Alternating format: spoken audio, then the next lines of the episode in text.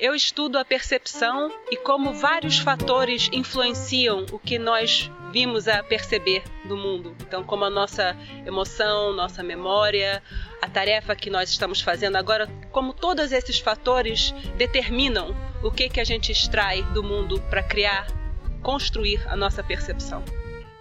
E Cajal Winter 3. Eu me chamo Kia Nobre, eu sou uma professora na Universidade de Oxford e eu sou uma neurocientista e estudo cognição.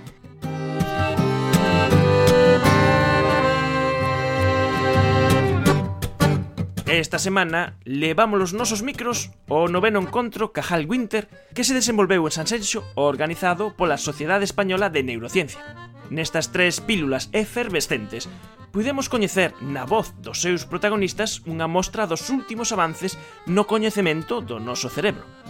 O profesor da UDC Castro Ribadulla pertence ao comité local da organización do Cajal Winter composto polas universidades da Coruña Vigo e o INIVIC. Hallwinter son unhas conferencias que organiza a Sociedade Española de Neurociencia se trata de traer líderes mundiais en campos concretos da investigación en neurociencia e xuntalos con xente española que traballa en campos similares, parecidos, a todos os niveis, de estudiantes de, de doutoramento, xente que está facendo a tesis, hasta profesores españoles, xente co seu laboratorio xa montado. O Cajal Winter é un evento de pequeno formato pensado para potenciar as interaccións entre os participantes, seguindo seguindo un modelo de congreso que xa habitual noutros países. Cando ti vas a un megacongreso hai demasiada información e moi pouco tempo. E aquí se trate precisamente de facer xusto o contrario, é seleccionar a información previamente e dar moito tempo para que os ponentes, os asistentes e todos interactúen. Interactúen dentro e fora do que é o propio congreso. Además das charlas, pois pues eso, hoxe a mañana estuvimos paseando en barco pola ría de Pontevedra e mentre paseas en barco pola ría de Pontevedra, pois pues tamén falas de neuronas, tamén falas de, de lesións medulares, falas de todo.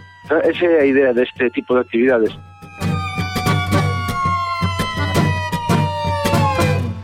Unha das participantes deste encontro en San Senso foi a brasileira Kia Nobre, referencia mundial en neurociencia cognitiva e directora en Oxford do Departamento de Actividade Cerebral Humana. O que nos contou o pé da praia de Silgar deixounos abraiados. Gris, gris, gris, gris, materia.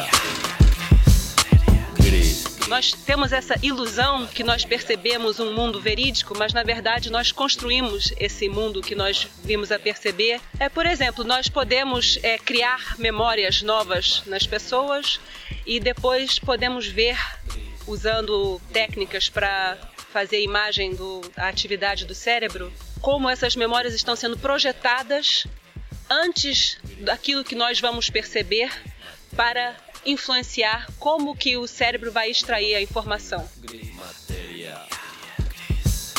Gris, gris, gris, gris, Hoje em dia nós estamos fazendo estudos onde a gente vê momento por momento o cérebro mudando, modulando a sua atividade para esperar aquela coisa que a, o cérebro aprendeu que acontece naquele contexto no exato momento que vai acontecer. Então a gente pode ver o, o cérebro prevedendo, prevendo o que, que a gente vai perceber no futuro. E, o sea, entonces podes ver o que vai perceber antes de que a persoa sexa, sexa consciente de... E antes do que a coisa aconteça. E antes de que aconteça.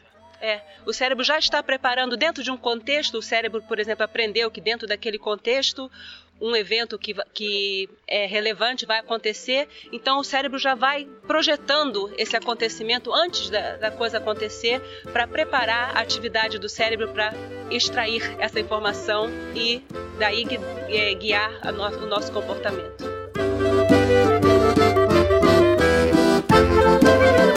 A bofé que estas xornadas levan moi merecidamente o nome do máis grande neurocientífico español na súa denominación, Cajal Winter. Goodbye, Machiño.